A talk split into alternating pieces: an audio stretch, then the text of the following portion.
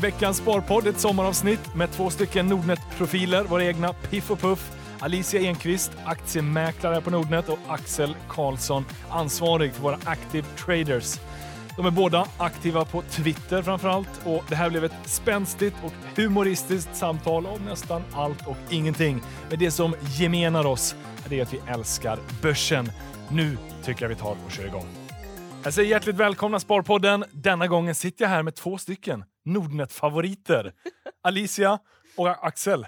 Hur är läget? Det är bra. Ni är lite bra. fnissiga. Ja men det är sommar, man är lite glad och ja, härligt. Ja. Kul att få vara med i Sparpodden också. Kul att ha med er båda.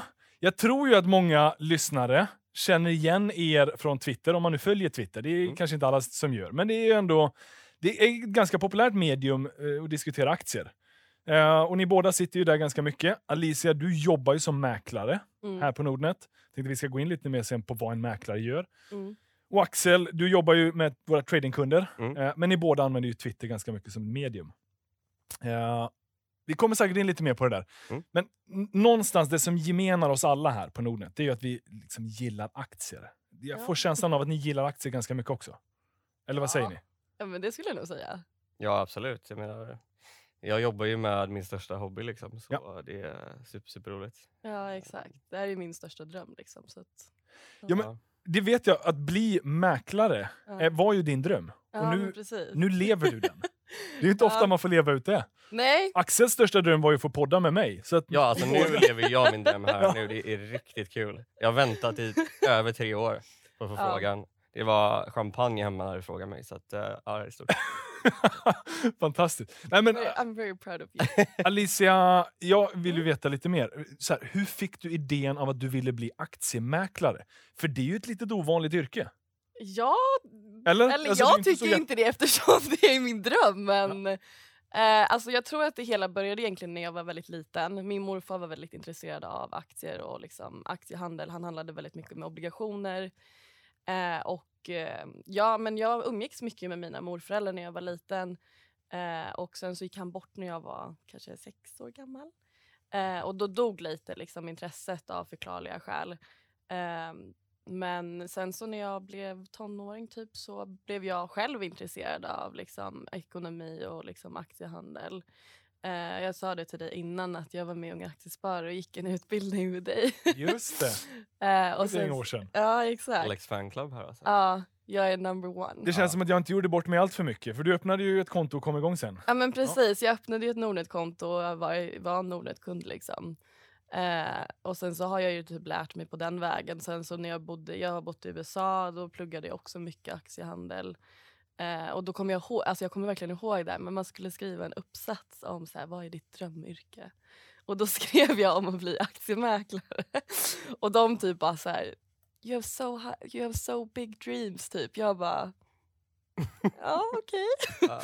Men alla har varit väldigt skeptiska till. Alla har verkligen varit det. Så här, bara, det kommer aldrig gå. Det är jättesvårt. Och liksom, du, du är tjej, tyvärr.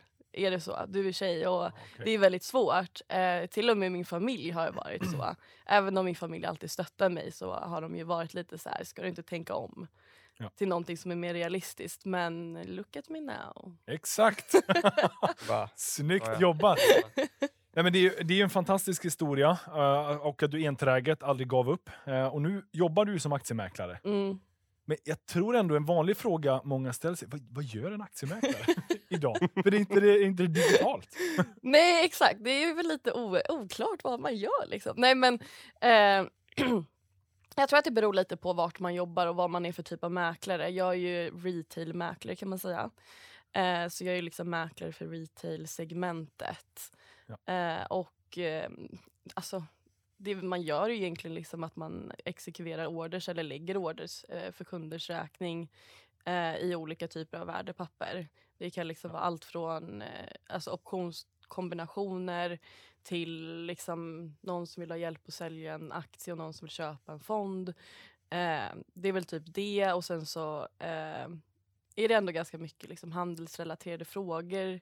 Eh, Företagserbjudanden, ja men sådär. precis. Eh, typ så. Ni är ju bankens livlina också om det är någonting som inte är som det ska. Om Mm. webben ligger ner och sånt där så är mäklarna last line of defense eh, där eh, man kan ringa in och få hjälp med order om någonting strular. Mm. Eh, vilket är extremt viktigt när det är... Det är de mer aktiva kunderna som du pratar mycket med. Ja, ja men det, alltså det kan ju, ja det är främst dem.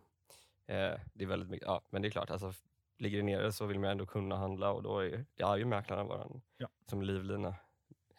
Men- vi jobbar en del. Ja. Det låter ju som att det är ett ganska så liksom, eh, spänstigt och varierande arbete. Att få ibland lägga extremt stora ordrar till att vara nere och hantera företagsemissioner till ja, men det är det verkligen. lankningsgrejer och annat däremellan. Alltså det är det verkligen. Det är alltså ingen dag är den andra lik. Alltså det, det tycker jag också är väldigt roligt med jobbet. Att så här, man vet aldrig vad man kan vänta sig när man kommer till jobbet för man vet aldrig vad som händer på börsen. Alltså ingen kan ju förutse vad som kommer hända. Eh, och men det gäller ju att man är otroligt flexibel och liksom bara ha, håller huvudet kallt. Eh, för att annars går det liksom inte. Nej, eh, men, men så att om man ska summera vad en aktiemäklare gör är ju alla de här lite mer komplexare ordrarna. För Mm, ska du gå in och köpa 10 stycken Investoraktier, ja, då gör ju man ju det enklast på nordnet.se. gud ja, och det är mycket Men- billigare också. Och det är mycket billigare. Det, det kostar ju ett extra courtage. och- Ja men precis, det är exakt det gör det. telefonordrar. Mm. Ja, men allt sånt mer komplext, då kan man ringa in och få snacka med dig eller Ja, eller mina kollegor. Ja. Spännande. Vi eh, kommer säkert återkomma lite till det, men jag är lite nyfiken på Axel. Mm. Eh, dig känner man ju igen om man eh, hänger på Twitter. Hänger man på Finanstwitter så har man garanterat, skulle jag säga, läst någon tweet du har släppt. Mm, Duracell-kaninen trycker ut eh, Ja, du sitter och skriver ganska mycket. tweets i ett... Nej, skojar. Du, ja. du följer ju liksom nyhetsflödet, delar med dig av det. Eh, lite allt möjligt vad som händer som berör liksom, de finansiella marknaderna. Mm. Det är ju vem du är till vardags. Men jag är lite nyfiken på, här, hur hittade du till aktier? Kommer du Ehm. ihåg vem som introducerade dig? Och, Ja, alltså det, det började tidigt när jag, när jag pluggade att jag tyckte att alltså, geopolitik är väldigt intressant. Jag, jag, det är det som sitter kvar fortfarande. Ja. Jag är intresserad av alla de konstiga sakerna. Liksom, så här. geopolitik? Ja, men, ja, men det, är så här, men det intresserar mig, men alla så här typ eh, konflikter som är lite hö, över, liksom, höger och vänster och varför och hur det fungerar. Eh, så läste jag på lite. Typ, Typ så här, Palestina, Israel. Ja, men, det, ja, ja, eh, den, men det var framförallt typ så här, eh, Kurdistan, hela den grejen där och då snubblade jag in på att ja, men olja det var också intressant. Ehm, och sen, jag är en person som eh, verkligen, jag kan tröttna på saker väldigt fort för att man kommer till en punkt där man kan bemästra det hyfsat bra och det är så här, ja men det här var ju väldigt kul typ. Börsen är ju lite så att du kommer ju aldrig bli bäst på det liksom. Nej. Du kommer aldrig, all, du kommer aldrig vara liksom så här klar med det. Jag kommer ihåg att jag sa när, i Nordnet Live, jag bara, det, är, det är som golf. Du, du, kan, du kan spela hur bra som helst och sen bara packar allting ihop och då bara, okej, jag måste bli bättre. Så det är så här hela den vägen in på börsen. Men det börjar framförallt kring oljan. Den var ju väldigt så här makrostyrd, den är den fortfarande. Lite med OPEC, eh, alltså oljekartellen. Ja. Ehm, det styrs ju av liksom konjunkturen och lite så här, är det krig någonstans kanske lite oljeproduktion, oljeproduktion försvinner och priset går upp och så vidare. Och så vidare. Så Men på den vägen någonstans, via råvaror och sen hittar du börsen och aktier. Exakt, så att, eh, först handlar, man, handlar jag i ren olja, sen bara okej, men det kanske finns lite enklare sätt Ja. eh, som inte är så extremt volatilt för olja, oljebolag är ju liksom att handla med hävstång och det kan ju gå lite hur som helst. Alla råvaror är ju extremt volatila. Ja. Nu kanske det stabiliserat lite mer när det kommer upp i pris då, men eh, ja, det är Men, intressant. men, men det var liksom inte så att man snackade hemma vid matbordet, eh, månadsspara i lite aktiefonder, en sund idé. Alltså min pappa jobbade ju på eh, gamla Industrifinans som sen blev Sparbanken som idag är Swedbank. Ja. Ehm, så att det finns ju ett aktieintresse. Jag pratar ju mycket om, eh, om börsen med honom. Eh, varje gång vi pratar så är det ju liksom det vi pratar om mycket. Ja. Sen så är det inte alltid så här på kvällen när man har suttit framför det här hela dagen och ringer bara kan vi prata om något annat? Typ. Nej, men. Ja. Eh, det, det finns liksom intresset. Han är, han är ju ekonom så att ja, intresset har ju funnits där men det är nog jag mer som, han kanske har varit mer månadsspararen, du vet, uh, buy and hold uh, sådär. Och mitt intresse kom nog mer från, eh, alltså bara ny, nyfikenhet kring saker så en sak leder till en annan liksom. Ja, ja. Ehm, så ja, det var så. Nej, men okej, så det fann, fanns ändå lite där hemma, men det kom Mm. via råvaror och lite sånt där. Men, Ja. men Alicia, för dig var det ändå aktier. Det var det och obligationer, men det handlar man inte så mycket privatpersoner mer än morfar kanske gjorde det då. Nej men precis. Eh, precis att det, det var Eh, det var aktier och obligationer Ja. som jag liksom först introducerades för och blev intresserad av. Jag har dock aldrig handlat obligationer utan jag handlar liksom aktier. Ja, ja. Och, och, den är ju alltid lite så här spännande, men aktier eller fonder, vad föredrar ni? Eller kör ni kombination av de båda, eller har ni någon sån preferens? Vi, har, vi är ju bankanställda allihopa här, så vi har ju begränsningar hur ofta vi får Ja, men handla och sånt. Mm. Men, Alltså det är ju enklare om man inte, det är, det är enklare att ta hand om en fondportfölj som Mm. med 30 mycket års regel för du behöver inte tänka på så mycket om du vill sälja eller köpa. men det är lika roligt. Då. Det är ju inte det alls inte det. lika kul. Det är ju verkligen... ni att säga det där då? Nej men alltså jag Jag tycker det definitivt att aktier är roligare. Jag handlar ju mer aktier än jag handlar fonder. Jag månadssparar i fonder. Jag har liksom automatiskt månadsspar i fonder. mhm. Men jag har också vanligt liksom, insättning till mitt, alltså min, min aktieportfölj. Ja. Där jag liksom köper aktier varje månad. Jag, jag kan tycka att det är bra att komplettera om man exempelvis är, tycker, tror, tror att en sektor kommer gå bra. Mm. Biotech har ju varit någonting som har varit riktigt eh, ångvältat det senaste som kanske har börjat vakna till liv lite. Om man då är så här, ja men jag tror på biotech-sektorn istället för att behöva bygga ihop en korg av 25 olika eh, biotechbolag så kan man ju ta en biotech-fond som komplement istället in. Ah, just Att det är liksom lite enklare Mm. då. Ja. Att så här, ja, men jag vet inte vilket specifikt bolag, bara sektorn är, den är liksom nedtryckt och borde återkomma lite. Eh, så där är det ett bra sätt att använda fonder för. Ja Just det. verkligen. Och sen så jag, vet, jag använder det också typ för att nå marknader som jag annars själv inte kan nå. Typ Asien. Ja. Eh, och typ så här onoterat och fastigheter. Det kan ju inte jag handla själv. Nej. Så då köper jag hellre fonder som Mm. har den exponeringen. Och där är ju även ETF bra. De, är ändå, de Mm. kan ju vara lite smalare till och med. Men ofta ännu mer så här sektor. Exakt, där har Ja, du där, de är ju definitivt mer Ja. sektor eh, precis, och lite så här fonder. mer typ tematiska investeringar finns också där, Mm. på ett sätt. Men jag, jag gillar ändå upplägget. alltså typ lite sådär att du har aktieportföljen kanske som det du är mest intresserad av. Och de, då kanske de svenska bolagen är lätta för de har man nära till hands och du Ja. förstår och kan Mm. följa För nyhetsflödet. att slippa valutarisken och hålla på Och med du det. slipper allt det. Mm. Och sen kan man ha fonderna som komplement. Ja. Typ Ja, fånga upp precis. lite fastigheter, hållbarhet om man vill ha det, eller bioteknik Mm. eller vad man nu tror mer på. Ja, alltså jag, ty- Mm. jag tycker det om man är, om man är ändå är en långsiktig investerare som, Ja. eh, men ändå vill vara lite aktiv så kan man ju liksom, det finns, det går, allting går ju i cykler. Jag menar nu har vi en extrem cykel i, i fastighetssektorn för att ja, det kostar, pengar kostar noll. Ja. Men det kommer ju komma en dag när kanske inte fastighetssektorn är så intressant längre. Så att det finns ju alltid cykler i alla saker så du kan ju hela tiden liksom bygga om dina portföljer kanske vart tredje år och ta ut någonting som har gått väldigt bra och ta in något som har presterat lite sämre. Ja. Så det går också att göra. Eh, Gör du så? Nej. Va? Jag bara, vad är det för dröm han jag pratar menar, om? Jag menar, jag menar så här, som en medellång investerare, att man, man tar sektorbets med hjälp av fonder. Nu försöker jag vara snäll mot fonder här. Ja, ja, ja. Jättebra. Det lät jättevettigt. Ja men jag, alltså, jag, låter jag, jättebra, jag det gör ju det här med aktier. Ja, okej, okej, okej. Så du bygger en aktieportfölj? och- Ja, alltså det finns ju, det finns ju cykler i allting. Ja, ja det stämmer väl. Ja. Ja. Sen börsen är ju, den ska ju bara upp. På lång sikt. Ja, cykeln är, cykeln är från nu till infinity i uh, uppgången. Nej, men tillväxt är ju eh, liksom typ oändligt. Alltså det är inte Ja. riktigt oändligt, men, men vi är innovatörer. Ja, ja, men jag så- menar typ så här, olja är ju Mm. högst cykliskt. Vi Mm. har aldrig någonsin sett 100 dollar per fat.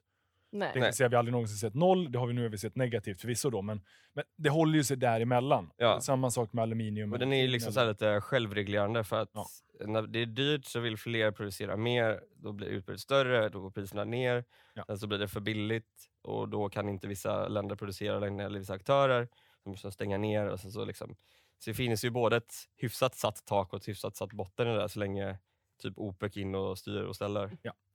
Och så är det de flesta råvaror. Men börsen är ju lite mer den, den är utbytbar. Vi har inte samma Ja. bolag idag som vi hade för 100 år sedan. Ericsson är kvar förvisso, men, men de flesta andra har ju liksom bytts ut. Ja. Så.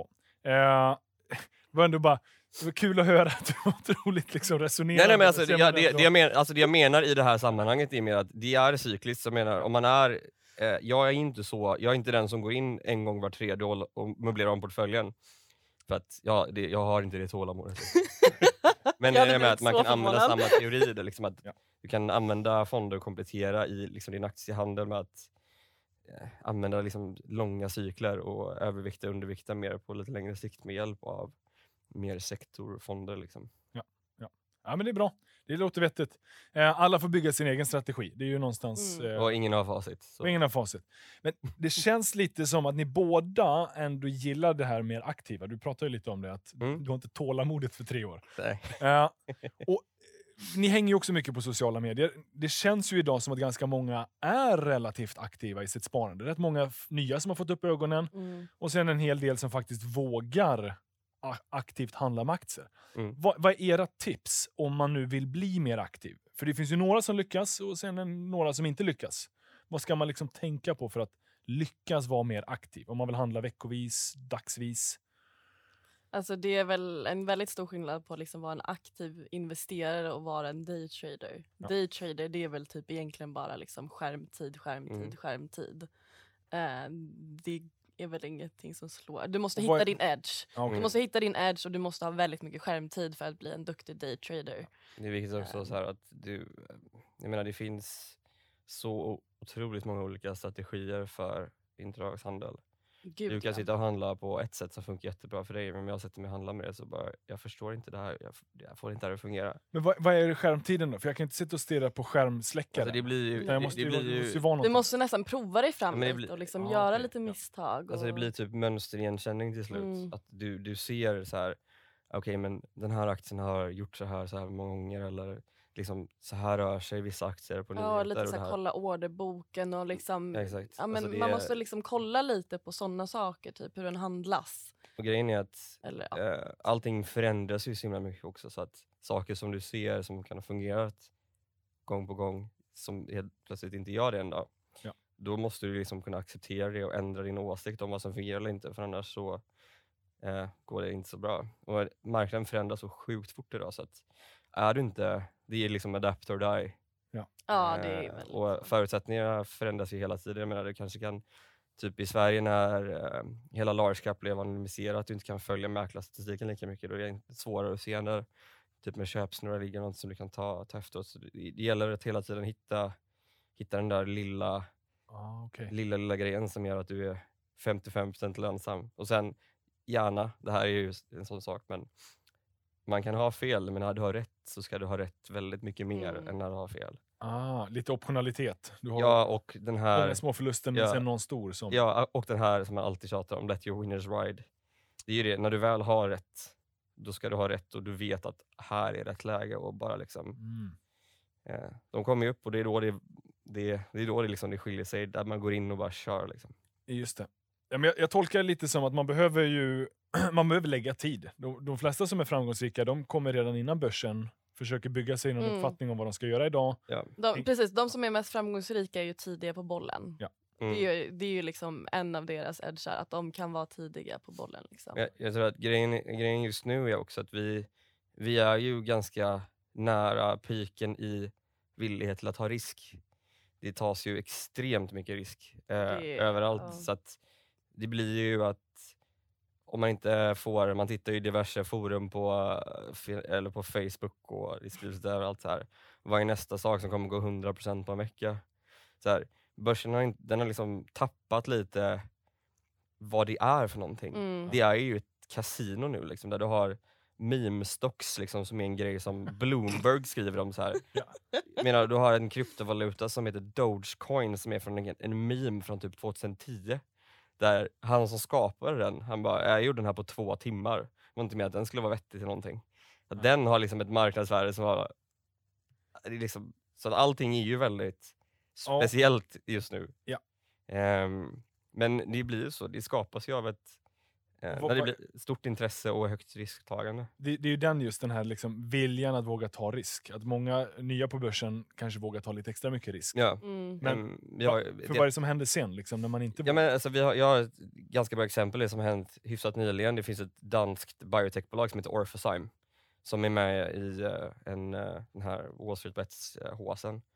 Eh, de, liksom, de hade en ganska viktig studie som inte gick igenom, jag kommer inte ihåg det var exakt en studie, men menar, bolaget ska handlas kanske i ja, en, två dollar motsvarande då liksom, vad blir det, typ 10 danska. Mm. Jag menar, den var uppe och handlades i 100 dollar. Eh, och även efter det här resultatet så handlas den liksom i 50, 60, 70 danska bara för att folk bara köper det för att ja, men, den kommer ju gå upp, det är lugnt. så att, ja. Och det, det, det här är ju ett ganska ovanligt fenomen. Det har vi, inte, vi har ju sett det tidigare, Mm. att man mobiliserar sig och liksom får favoriter. Sådär. Men nu är det i så mycket större skala, det är Mm. globalt. Ja. Eh, och det är enskilda bolag som får miljoner individer att gå in och köpa. Då blir det Ja. såna här kursrusningar. Mm. Antar att rådet är väl att alltid försöka vara lite restriktiv med vad man följer. Ja. Det är ju bara så här, 100%. Sunt förnuft. Ja, alltså Ja. många köper ju saker nu för att det är ju så, dyrt kan bli dyrare liksom. Det blir ju mer, Precis, det känns inte som att det liksom är genomtänkta investeringar utan man köper Nej, liksom Det är bara att spekulation. Ja, Men spekulation och för att liksom folk säger typ att ah, det här är bra att köpa. Man gör liksom ingen egen research, man vet typ inte ens vad bolaget gör. mm, Jag vet inte. Ja precis, det är mycket sådana grejer. Jag vet inte hur många egentligen som köpte typ exempelvis Orphozyme. Om de ens vet att det är ett biotechbolag eller om de... Alltså, Nej, så här, jag, jag tror att det började väl, den var väl en på listan som var mest blankat i USA. Så de- Ja de precis, det är, ju så, det, den är det är ju så de jobbar för att den är ju egentligen, dens ordinarie listning är ju på Köpenhamnsbörsen. Ja. Sen så har de en ADR-listning i Mm. eh, USA. Ja. Och det var kvällen innan så handlade de den galet liksom i USA efter den studien Köpenhamn hade stängt. Så morgonen efter så handlades ju Orpha Sime Ja. galet också i, även i Köpenhamn. Mm.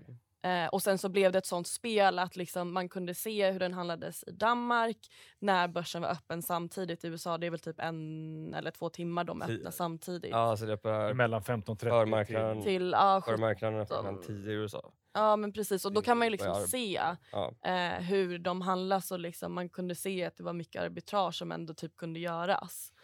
Ja. Eh, Alltså det, det är klart att absolut det går att tjäna pengar på det här. Det gör det Mm. för att mm, då, men du får vara medveten om att så här, lika fort som det går upp går, går att gå ner. Liksom. gå ner. Eh, och det gäller att inte du sitter med eh, hela innehavet när alla andra säljer av. Liksom.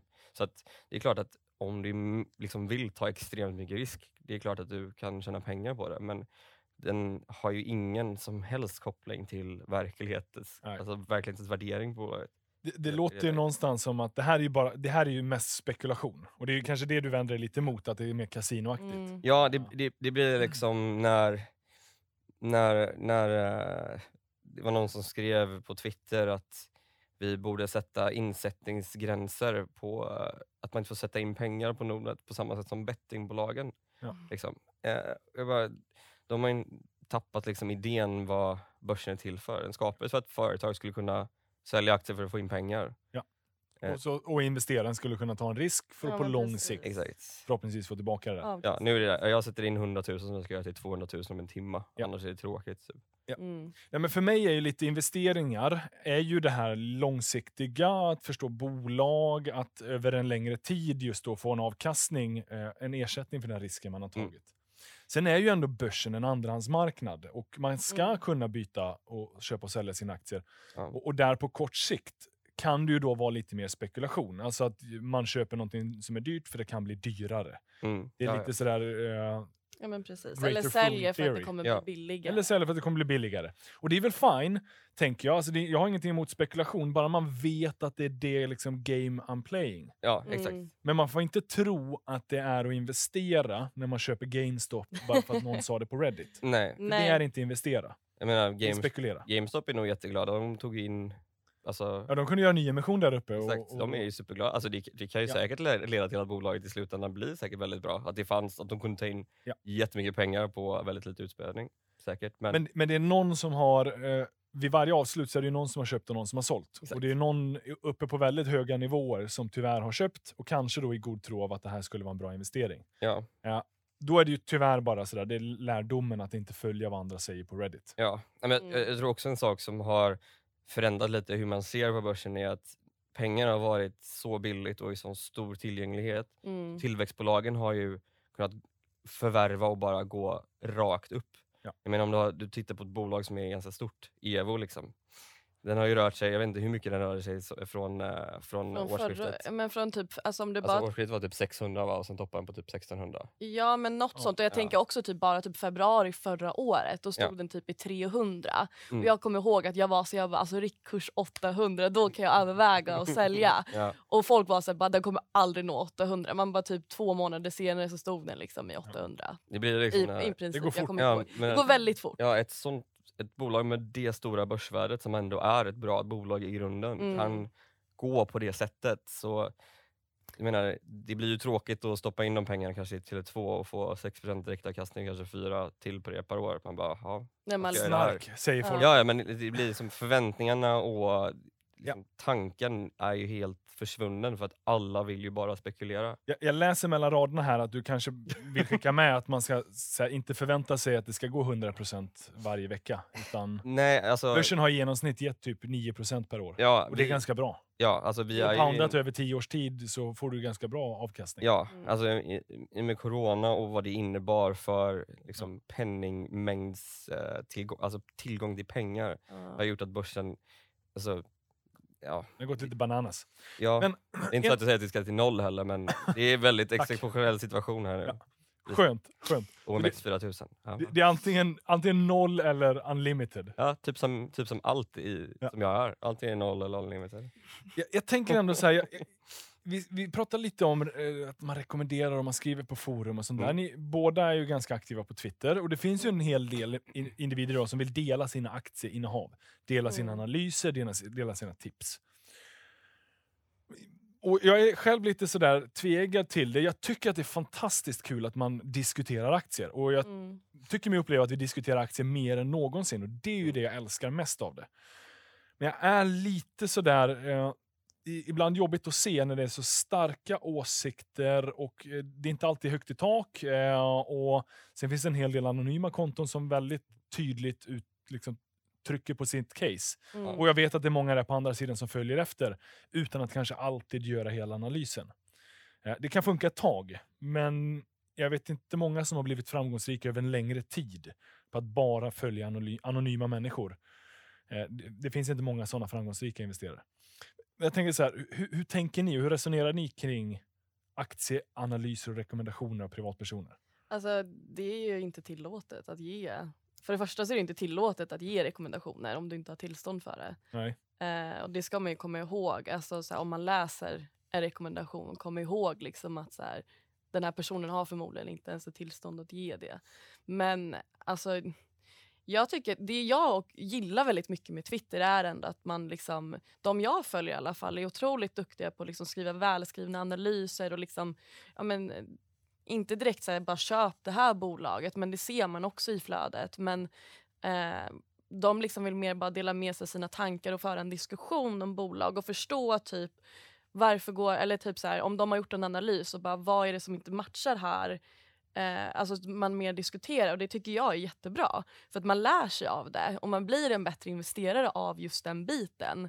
Men man blir inte en bättre investerare av att följa blankt på vad någon annan säger att man ska göra.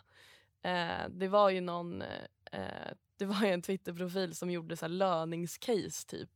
Mm. Eh, och skrev liksom ut Ja. vad det här caset ska man köpa. Det var, ju, ja, det var ju fronten också, det var ju andra som satt och handlade. på- Ja exakt. Och, Och det, ska, Det här är ju marknadsmanipulation. Det, det här är ju individer som har åkt dit och fått böter. för det. Men det var ju så, ehm, de, alltså, nu är det ju ingenting som är, eh, har dömts eller ju, uh, någon som har åtalats för någonting så man ska ju inte säga något sånt där men som jag förstår som har presenterats är att det suttit ett konto och eh, håsat innehav eh, som då andra har sålt på flödet som kommer in det. via när de håsar.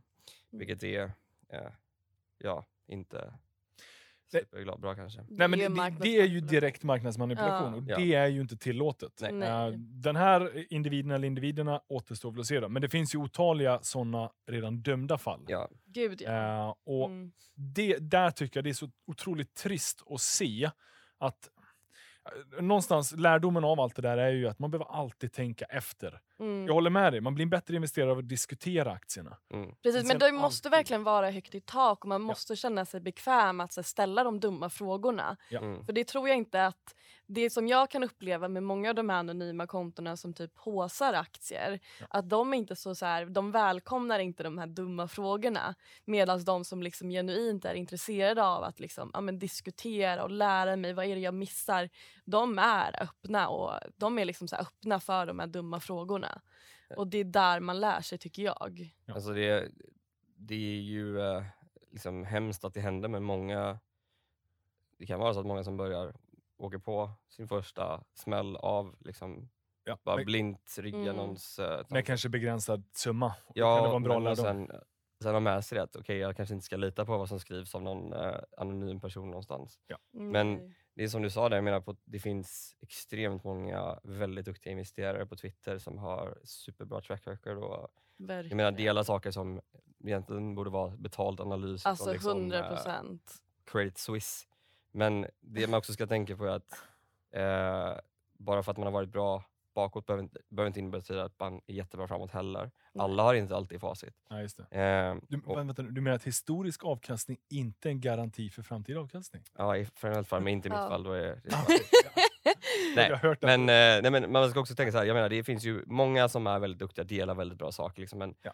man har ju alltid, när man delar saker så har man ju alltid en baktanke. Du har ju alltid ett eget intresse i det på något sätt. Exakt. Ehm, och det är alltid viktigt att tänka på det. Det gäller ju även, liksom, det gäller även analytiker. Liksom. Är, Mm. Du kan ju ha satt en placing åt någon. Det står, nu efter Mifid så står det ju oftast i typ analyser att ja, men vi har satt en placing åt honom här så jada jada jada. Och det är samma sak med, jag menar analytiker är också bara människor, de har inte facit. Står, Mm. Säger de så här, ah, men det här ska ha riktkurs 500 så, kom, så går, är det någon eh, studie som går åt uh, skogen liksom, så står den i 50 spänn sen. Analytiker har inte alltid rätt heller. Liksom. Nej, nej. Vi är alla människor. Ja, Nej, men fortsätt diskutera, men ha alltid liksom i bakhuvudet att folk har sina egna agendor. Och Ja. Mm. fortsätt hålla igång diskussionen, men tänk efter själv. och det här, Ja, ja. exakt. Och någonting som jag är väldigt, alltså, väldigt glad över med att den här diskussionen har blivit så het de se- det senaste året typ, är ju att mina vänner, alltså mina så här, tjejkompisar som har noll intresse av aktier hör ju av sig till mig och bara Hur öppnar jag ett konto? Liksom, hur börjar jag spara? Vad ska jag ha för kontotyp? Eh, vad ska jag köpa för någonting? Och jag tycker att det är jättekul. Ja. För de, och, och så var jag så här, bara, okej men varför? Jag är lite så här ifrågasättande. Bara, men varför vill du göra det? Är det för att du ska handla typ GameStop-aktier eller är det för att du långsiktigt tänker investera? Och då har alla varit så här, nej men det är för att jag vill säkra min ekonomi framgent liksom. Wow. Och det gör ju mig jätteglad också att så här, Det är ju Mitt- väldigt bra. Exakt, och så här, mitt, mitt, det jag brinner för och lever för börjar liksom smitta av sig på min, till mina kompisar som inte annars, de förstår typ inte ens vad jag jobbar med men de stöttar mig ändå. men de vet att så här, jag kan det här så de frågar mig om liksom, tips Ja. om vilken, ja alltså jag, Jag är ju partisk liksom, det är klart de ska bli Nordnet-kunder. Alltså. Månadssparande, månadssparande är ett väldigt bra sätt för att du kan ju alltid avvara en liten del, av din lön Exakt. varje månad och det är alltid bra att ha en buffert. Liksom. Ja men precis, och jag, jag, jag själv har ju liksom ett vanligt sparkonto för att det jag har på börsen ska jag inte behöva, alltså det är ju långsiktigt men behöver jag pengar snabbt då måste jag ändå ha lite pengar Ja. att kunna röra mig med.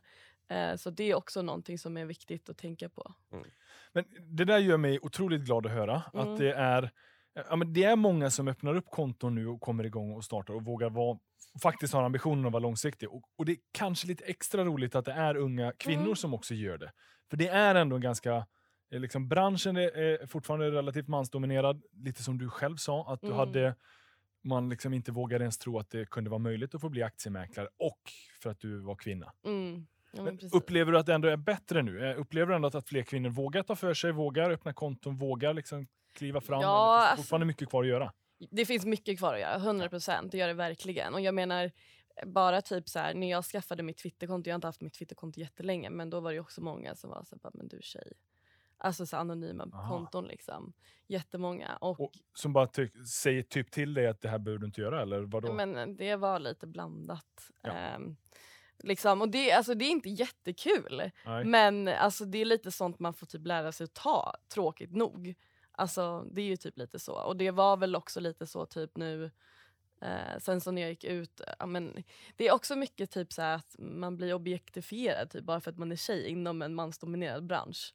Aha. Alltså det är lite så, det är jättetråkigt. Men, och på vilket sätt? För jag tänker det är ändå aktier vi pratar om. Mm. Men vad är det man har åsikter om? Man bara, vilket Du- sidospår. Där, ja, social media är social media. Liksom. Ah. Ah, jag, jag, exakt. hänger, jag, jag är inte så Nej, på det- Twi- nej, men det är Instagram. generellt på social media. Ja men det är verkligen ja. så. Och Typ, bara, för att, bara för att man liksom hänger på Twitter, jag skriver ju aldrig någonting ehm, om mina egna investeringar just för att jag jobbar som mäklare och jag vill inte att det någonsin ska kunna tolkas liksom som rådgivning utan jag skriver liksom väldigt objektivt. Mm. Ja.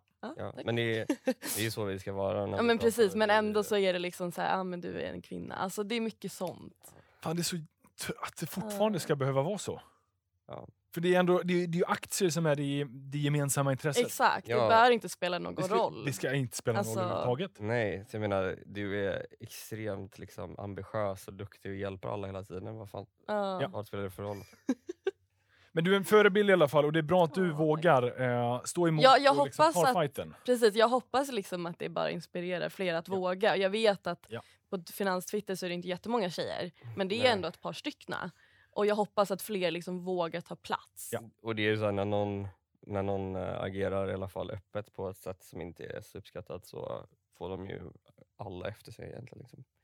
Så, Det känns, det känns som att det finns eh, en hel del i det communityt som ändå värnar för öppenheten och Ja, ja, diskutera och, och ja. inkludera fler. Ja, ja, absolut. Gud ja, 100 procent. Men jag menar, Twitter är som alla sociala medier. Liksom. Du, kan, du kan ju vara helt anonym och sitta och skriva vad du vill. Liksom. Så äh, det finns ju alltid. Men de får Roll. också ganska få följare och, och Ja. nystartade sen en vecka tillbaka. Så förhoppningsvis Det- det- sorteras de ut ganska Ja, fort. alltså det är, ja, men jag, så här, jag kan inte tala för Alicia eller veta hur det är, men eh, ja, hoppas att det blir Men det, men det är bra att du står upp och inspirerar fler. Och jag upplever ändå som att det känns som att det kommer en del nya eh, kvinnliga profiler även på Twitter. Nu är jag ju Mm. så dålig på sociala medier att jag hänger typ bara där. Men eh, det känns som att det kommer en del fler. Så det, är- Ja, det är kul och vi jag. välkomnar fler. Ja, och jag tycker också, alltså jag upplever också att det är mer, ehm, ja men det är ändå ganska mycket kvinnor jag pratar med till vardags. Ja. Eh, och det tycker jag också är kul. Och dina kompisar som ännu inte har, eller som inte naturligt liksom har aktieintresse, som har börjat få upp det nu. Eh, är, är, de, är, de, är de många? Och liksom, vad, vad kan man göra mer för att få ännu fler till att sådär, våga ta steget? Vad ska man göra? Vilken svår fråga. Du, du, samma, man vill ju att fler ska få upp Ja. ögonen för det. Det. Det är en sån enkel grej att börja månadsspara i lite investmentbolag om jag ska svara generellt och inte mer alltså, för hur en kvinnlig syn, men bara att bara liksom inse att inträdesbarriären är inte särskilt stor. Nej. Det är det många tror. Typ. Jag tror att det är det som är, att många tror att det är så himla svårt och komplext och absolut det är, det är ändå lite, det är lite svårare än att bara stoppa in pengar på ett sparkonto. Mm. Men om du typ månadssparar 2000 kronor i fonder, Ja. alltså du behöver inte göra någonting förutom bara sätta upp det. Ja. Och sen så sköts det bara per automatik och du får avkastning på dina pengar. Inte för det är ingen ränta på sparkonton idag. Så du får ju liksom avkastning också för det du investerar eh, i de fonderna till exempel. Nej, Men jag, jag, jag, och har man mer tid så ska man, tycker jag, köpa aktier. jag, vet, jag tänker liksom bara, bara om man vill komma igång att man inser att det är, det är inte så svårt och mer kanske bara öppna ett konto och prova på vad händer om Mm. jag köper Nordnet Index från Sverige för 500 kronor och ser hur det fungerar. Eh, för att, jag menar, man kan ju också där liksom eh, jämställa det med betting och att man tror att det är liksom binära saker. Att jag stoppar in 500 antingen får jag noll eller så går det till månen. Liksom. Men det är ju... Nej, det kommer liksom takta på med 7-8 procent. Ja, I den- i Ofta. Alltså, nu är Ja! det, de senaste åren har det varit tre stycken 100 meterslopp men det är ju ett maraton. Liksom. Och jag menar liksom de där 7-8 procenten är betydligt mycket mer än du får på ett vanligt sparkonto där du får 0 procent. Mm. Liksom, så att 7-8 procent versus 0 är ju betydligt mycket bättre. Ja. Och det, är- det är väl den eh, liksom, förväntan man kanske ska ha. Sen är det Mm. trevligt att nu börsen har gått bra i ett, ett och ett halvt års tid. Mm. Men den kommer inte alltid göra det. Nej. Men starta. Men nu, nu pratar vi om massa bra tips. Vilka är de sämsta tipsen ni har fått? Så kan vi sortera bort alla dem. Har ni några sådana? För ni, eh, ni får ju ändå, eh, när ni själva liksom skulle, när du, när du gick min utbildning. och- Oj, och var det ska jag outa dig nu? Nej, inte ut- Allting du sa på den utbildningen Aj, var, Det var liksom bara in där, ut där. jag var så här nära från Kronofogden. Liksom. Klarar mig bara Aj då. precis. Ja, men det var, det var så här, bryta ner och sen bygga upp eh, Ja men utbildning. precis, precis. Nej. Nej, men har ni några sådana? Har ni några sådana här dåliga tips? Om ni du funderar ska jag säga några. Ja jag måste fundera, Ja. jag har verkligen. Nej, men jag, jag, allting som var som man gjorde i början, Ja. det var att du gick in på något forum, typ placera och bara Ja. ah, den här aktien ska till månen. Ah, Okej, ja men då kör vi. det är ett liksom, dåligt tips. jo, men när, när, det är ju det när du är ny och inte vet så mycket eh, och du inte liksom vet hur du ska förhålla dig. Du, menar, du läser ju det här och bara absolut. Sen så får du, det får kosta pengar för att man ska lära sig. Ja. Ehm, men alltså, inga så generella tips från någon, utan det är mer en period där man tog tips för någonting eh, som det egentligen inte är. Nej. Jag menar, ja. Ja, men jag, jag själv kommer ihåg i början, ja, men då var man lite mer mottaglig vad andra tyckte och så hade man Ja. liksom, ankrade man sig i att det skulle så mycket uppåt. Sen kommer jag också ihåg att jag i början så här gillade att köpa många aktier. Ja. Att det var, kunde man hitta någonting som kostade 10 öre, Ja, oj vad man kunde köpa många aktier. ja, ja, ja, ja. Men man insåg ju sen att, ja just det, det finns ju typ en miljard aktier i det här bolaget. Så att Ja. antalet aktier, eh, liksom, Ja. Det- Jag, jag tänker också så här, när det kommer till att lyssna på tips, jag tror att de tipsen man kan ta emot är liksom mer så här, så här är du smart med ditt sparande och tänk på att göra det här och så här kanske det är billigare att handla här eller tänk på att du behöver göra så här eller typ som att ja, men ha det på ett ISK, eh, ska du köpa aktier i USA som har utdelning, då kanske du ska ha det på ett KF, det är billigare här det här. Sådana tips är bra tips, men typ har du kollat på det här oljebolaget som eh, kanske blir värt en miljard men det kan också vara värt noll. Kör. Bara belåna huset också. Det är bara ös. det är ett dåligt tips. Det är ett dåligt tips. Ah, okej. Mm. Fast det kan ju vara ett bra tips. Nej, men, na, nej, det är ett dåligt tips. Nej, men, så, okej, så här, liksom, rena investeringstips kanske man ska vara lite passiv. Ja. Det var det vi pratade om tidigare. Mm. Men, men så här, öppna konto, ja, så här, sätt igång grejer. Det Mm. kommer du ganska långt på. Det, det Ja. är bra att vara mottaglig för det. Jag, menar, Ja. jag, jag tycker fortfarande att så här, det bästa tipset om du vill spara och inte, du är inte så intresserad men du vill ändå liksom ha sparande. Månadsspara indexfonder. Välj kanske, vet, om du vill vara extremt riskmedveten, stoppa i en global fond.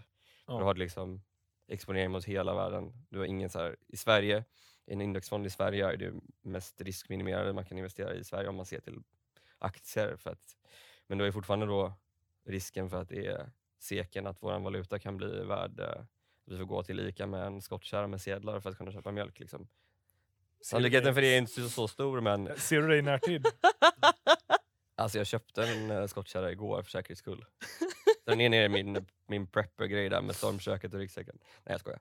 Nej, men eh, bara för att göra det kortfattat, jag menar det, det är klart att det finns risker i Sverige också. Det är ingenting som är säkert på börsen men titta på börsens historiska avkastning 100 år tillbaka så är det klart att det går upp och ner. Eh, Det är därför man ska alltid köpa lite då och då för någon gång kommer du köpa när det är dyrt längst upp och någon gång kommer du köpa när det är jättebilligt längst ner. Så det bara vara på. Det här är ju liksom supervettigt. Tänk att du kunde hitta såna här grejer. Ah, alltså jag, Jag är helt amazed över att du liksom... Det här att är jag vet någonting. Ja, Nej då. Nej, det, är ju, det här är ju jättebra. Det är sunt förnuft. Du, ja. Ja, Jag tror att de flesta lyssnarna har kanske hört det någon gång förut. Ja. Men det tål att repeteras. ja. Mm. Och de här sakerna generellt, bara, när någonting är för bra för att vara sant så är det för bra för att vara sant. Annars hade alla gjort det. Om de säger den här investeringen garanterar dig 100% okej men då hade typ Warren Buffett bara, här ta alla mina tusen miljarder dollar och investera här och lös det. Nej, det, för det fungerar inte. Nej, nej. Så uh, tålamod och bara ja, gör det som passar Slow dig. and steady. Ja, Mm. exakt. Har du fått något dåligt tips Alicia? Någon gång? Alltså jag tror faktiskt, alltså när det kommer till liksom, aktiehandel så tror jag typ inte det. Alltså för att jag, eh, jag, har inte, jag är inte så mottaglig av det. Alltså jag är inte så mottaglig av tips överlag när det kommer till mina investeringar. Eh, alltså jag fick ju liksom mycket tips hur jag kunde börja spara eller typ öppna konto på Nordnet av dig. och sen så... Bra. Väldigt bra tips! Det gör jag tackar mycket Ja. för. Eh, och sen, men liksom sådana saker. Och sen så i skolan så liksom hade vi en aktietävling när jag gick i gymnasiet och då liksom lärde man ju sig analysera bolagen. Eh, så att jag tror liksom inte riktigt att jag har fått något, tack och lov. Jag har säkert fått det. Men jag har liksom bara så här, jag kommer inte lyssna på dig för att jag hör att det här är dåligt.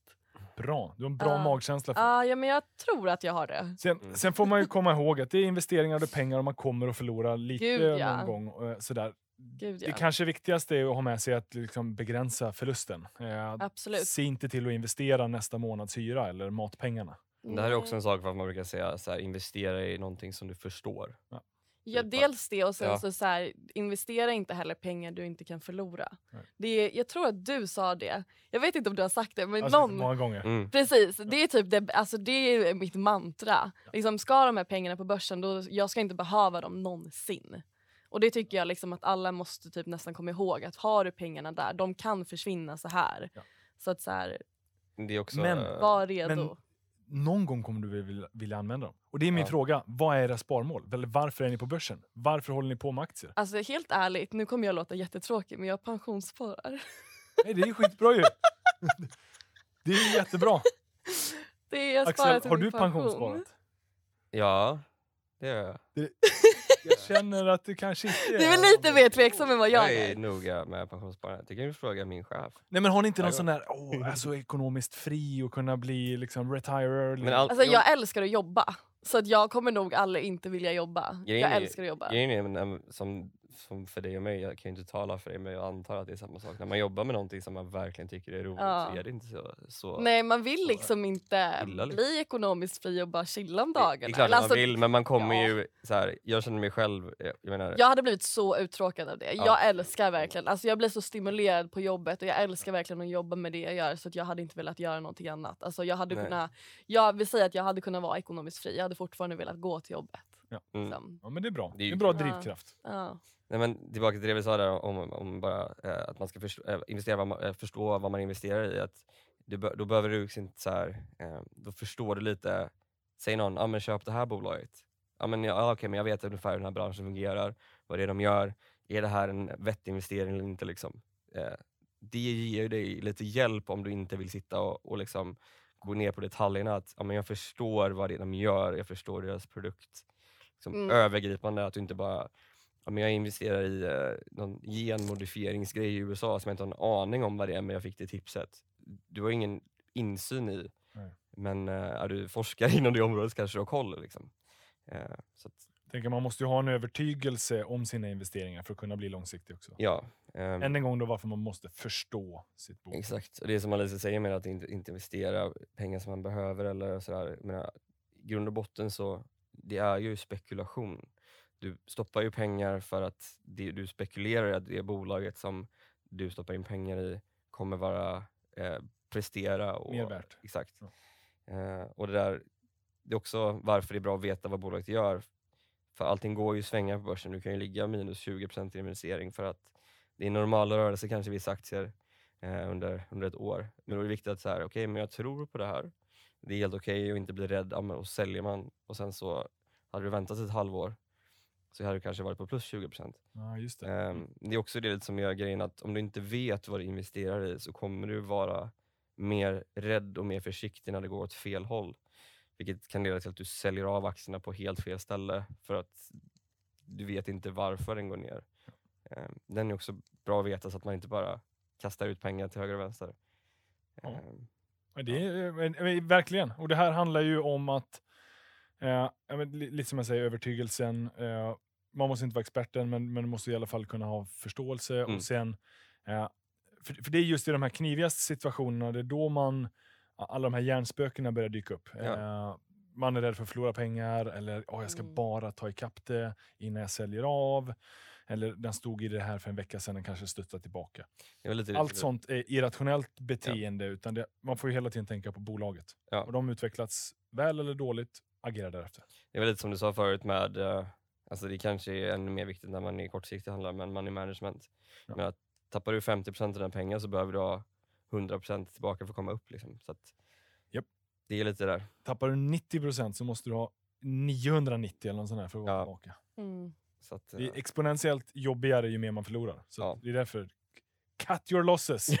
Alltså ja, men typ lite ta, våga ta förluster också. Våga Mm. ta dem tidigt. Det är Ja. också ett bra tips. Eller, jag tror ja, också vet så här, ju mer... Våga förlora pengar. Våga förlora pengar, det är liksom mitt bästa tips Ja, någonsin. ju, ju, ju, ju högre, alltså ju mer spekulativ din investering är, desto mer på tårna behöver det vara när det går emot dig. Mm.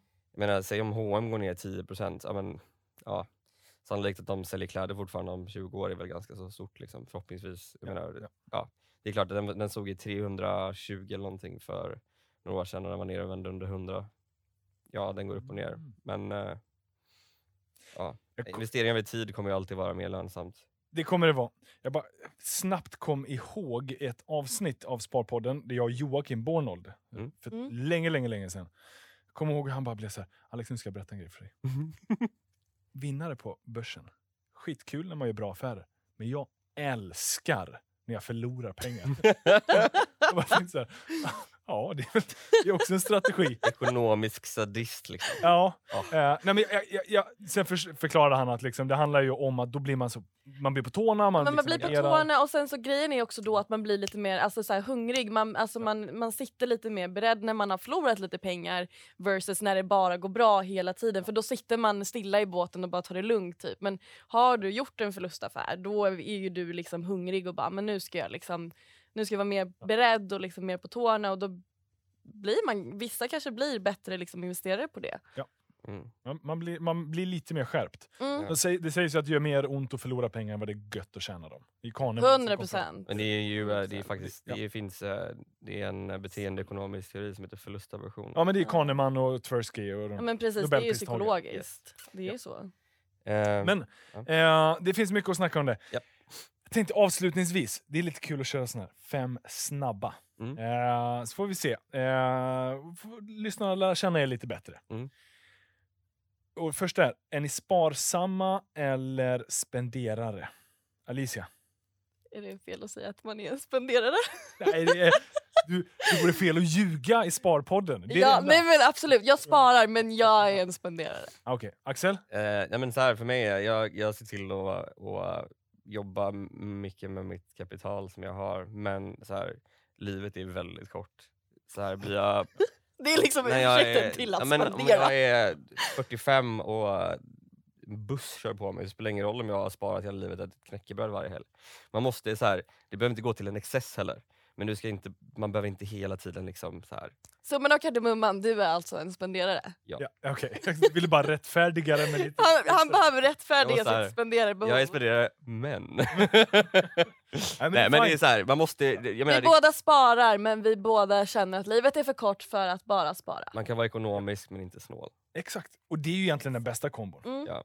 Sen finns det sådana som Günther som lever för att spara. Mm. Alltså, så. Och, och jag, är inte, jag är inte heller där. Nej, och det tycker jag är jättebra att det finns sådana personer men jag är inte en av Nej. dem. Nej, Man men det får, man får inse vad han, man han gillar att göra det så att, eh, det, det, är, det är kul. Han är, Ja, men det nice. Eh, spenderar båda två. Favoritaktie? Har ni någon sån? Alltså, gud, det här tycker jag är jättesvårt. Alltså, Axel? grejen är att jag är typ så, här, så halv, medellång, kortsiktig som jag är så tycker det förändras lite hela tiden. Så att jag tycker det är svårt. Ehm, Mm. Jag vet inte. Ni har inte fäst er vid ett bolag? Eller Alltså den aktien jag förmodligen har ägt, ägt längst det är nog Evolution Gaming, eller Evolution som de heter nu. Mm. Ja. Så de är jag ju väldigt liksom fäst vid. Men samtidigt så har jag ägt dem så pass länge så att jag har gjort väldigt mycket avkastning så att nu börjar jag bli väldigt redo att liksom släppa den bollen. Men inte eh, riktigt än. än, Utan... Eh, jag, jag successivt börjat släppa Okej, den. ja, ja. Jag vill säga att Nordnet-aktien är min favoritaktie. då. ja, men snyggt. Det är helt okej. Det gud. Vad är favoritbörsbegrepp eller ord? För det är ju så här, den här marknaden Ah. det finns så många kn- knasiga ord. Finns det någonting som ni hör väldigt ofta eller någonting som ni bara tycker är... Alltså jag, jag, jag ska ju ta en, eh, det första som jag, som jag kommer att tänka på nu, som jag tycker är mer åt det roliga hållet. Ja. Som när alla de här spekulationsaktierna, de går ju rakt upp och sen rakt ner.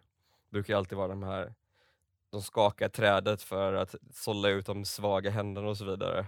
Men den kommer fortsätta gå, de där begreppen älskar jag. Nu är det inget så här Ah. börsbegrepp i sig liksom. Aforismer liksom. Ja men det är, Mm. det är, s- Ja, det är så himla härligt eh, de där, eh, ja och typ, eh, ja men nu, nu tankar de så här och de blankar för att komma in billigare och sådana saker.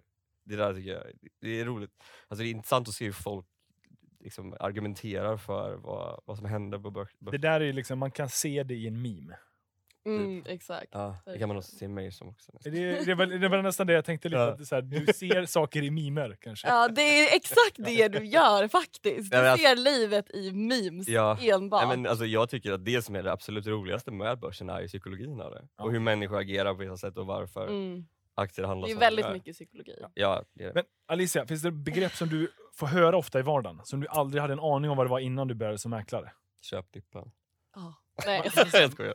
Makulera, spread, Ehm. arbitrage, allt sånt där får du Ja, men typ dagligen. arbitrage var nog ett sånt begrepp som jag kanske inte hade stenkoll på innan. Hade hört liksom men hade inte liksom jättestenkoll. Liksom blankning hade jag koll på. Jag har kompisar som eh, jobbar som daytraders liksom så det, där visste man. Men arbi- Courtage är ju för övrigt ett... När, när folk säger courtage. Ah, Det är ju- det är också, Det är ja men precis, nej men courtage har man ju ändå koll, eller Ja. ja. alla har väl inte det men jag hade koll på courtage. Men arbitrage var en sån grej för det är ju inte liksom, marknaden ska ju inte tillåta arbitrage. Så därför var, är ju det inte någonting som man kanske pratar om lika mycket nu som man gjorde förr när man kunde göra arbitrage. Så arbitrage är nog kanske Ja. det. det finns många olika begrepp och sådär. Gud ja. Ja, har ni någon hemlig, eh, superhemlig talang? Min var... eh, Jag, jag fick ju, jag, vi fick ju de här frågorna innan och jag fick ju direkt lite stress för att jag var såhär, jag är talanglös, totalt talanglös. Men någonting. Jag har ju då kontaktat mina vänner, min familj och liksom, ja men det så här, typ en gammal lärare. Bara, har jag några, några talanger? de bara, Och vi är väldigt förvånade att Jag ens kom igenom. ja, nej, men jag ska tala om för er att det är en person av de här typ tio som bara det här kan nog ses som en talang. Och det, det är ingen jättetalang egentligen men jag har väldigt bra minne. Det är bra. Ja, men det är jättebra. Alltså jag har väldigt väldigt bra minne. Jag kommer ihåg saker som folk har sagt någon gång. Jag, liksom, jag kommer ihåg saker från när jag var typ två år gammal. Alltså Jag, jag, du satt med morfar fram till Ja, men precis. sex. Alltså jag kommer liksom ihåg när jag, ja, men precis när jag satt med min morfar från när jag var typ två år gammal tills jag var sex år gammal. Ja. I detalj. Jag kommer liksom ihåg vilka obligationer vi kollade på, vilka aktier vi kollade på. Eh, så att jag har ett extremt, extremt bra minne. Det är nog Ja, min men se där. hemliga talang. någon liten talang. Det första jag kom att tänka på var att jag är extremt bra på att inte ha tålamod. Men, eh, med det så blir man ju extremt envis och när du ska göra någonting så gör det tills det är klart. Ja. Så det blir ju en superkraft men samtidigt kanske det omvända för att man kan trötta ut sig själv en del. Men man gör ju saker tills det liksom envisheten bara Ja. triumferar allt så att man bara kör. Så det är väl en... Det är en bra... Kan man kanalisera det rätt bara tänker jag, så är det bra. Ja men precis. Jag är väldigt bra på att veta när mikron är klar utan att jag bruk- brukar alltid gå till mikron precis när den är klar. Men jag är En, också en sådär, sekund innan, bara, nu, nu, nu har den stått där 11 minuter så nu, nu är det dags. min talang är ju då att jag vaknar alltid typ fem minuter innan larmet. Mm. Spelar ingen roll om Gud, det jag... måste ju typ ändå vara en liten mardröm att göra det eller? Nej, för mig är det perfekt. Då slipper jag vakna av larmet. Mm. Och det spelar ingen roll om jag ändrar det. Om jag sätter det på sju, då vaknar jag fem i sju. Sätter Ja, det det på är- halv sju, då vaknar jag fem i halv sju. Man kan använda, typ, jag tror det är Sleep Cycle som har det. eh, Ja, som, Sleep Cycle eh, har det så som att du kan sätter en range på när du vill vakna Aha. och sen så eh, väcker den dig när du är så i så, alltså, Lätta så sömn. som möjligt så att du inte blir Så att du inte blir det här. För Ja. att jag är en sån som snosar i en timme.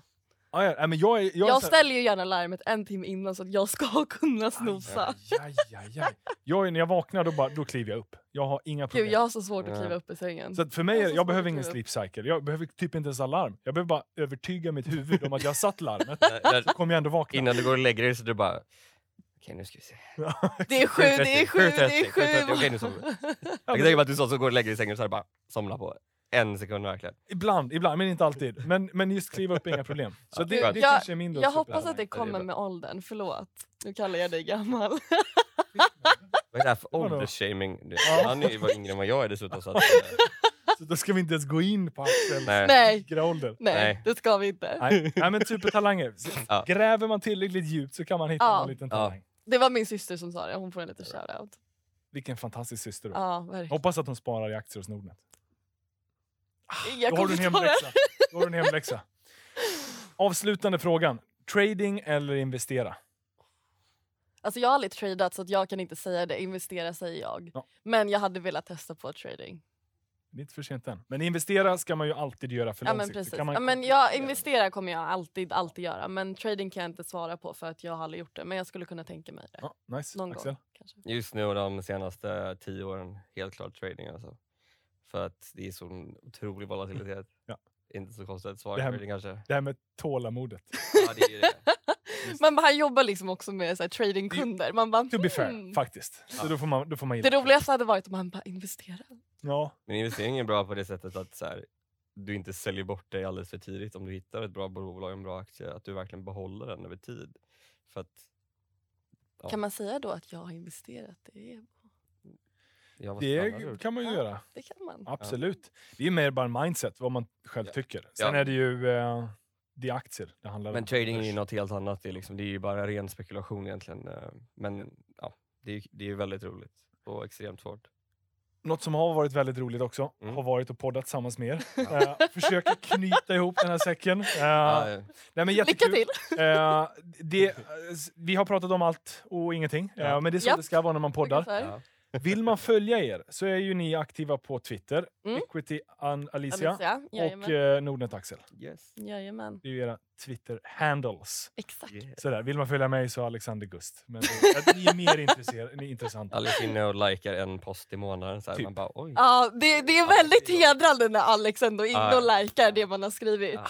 Det är precis vad jag vill att det ska vara. Alltså det är lite såhär, man bara yes! Jag bara I choose you. Ja det känns verkligen så. Kommer tillbaka om en månad och tittar. Det, känd, det kändes så exklusivt när du började följa mig på Twitter. Det var liksom the- biggest day of my life. Alltså det här är ju det bästa poddavslutningen någonsin. Inte Fantastiskt. sånt där till honom. Nu har, Jag kommer alltid få komma tillbaka till Du är väldigt, väl, du är väldigt välkommen tillbaka.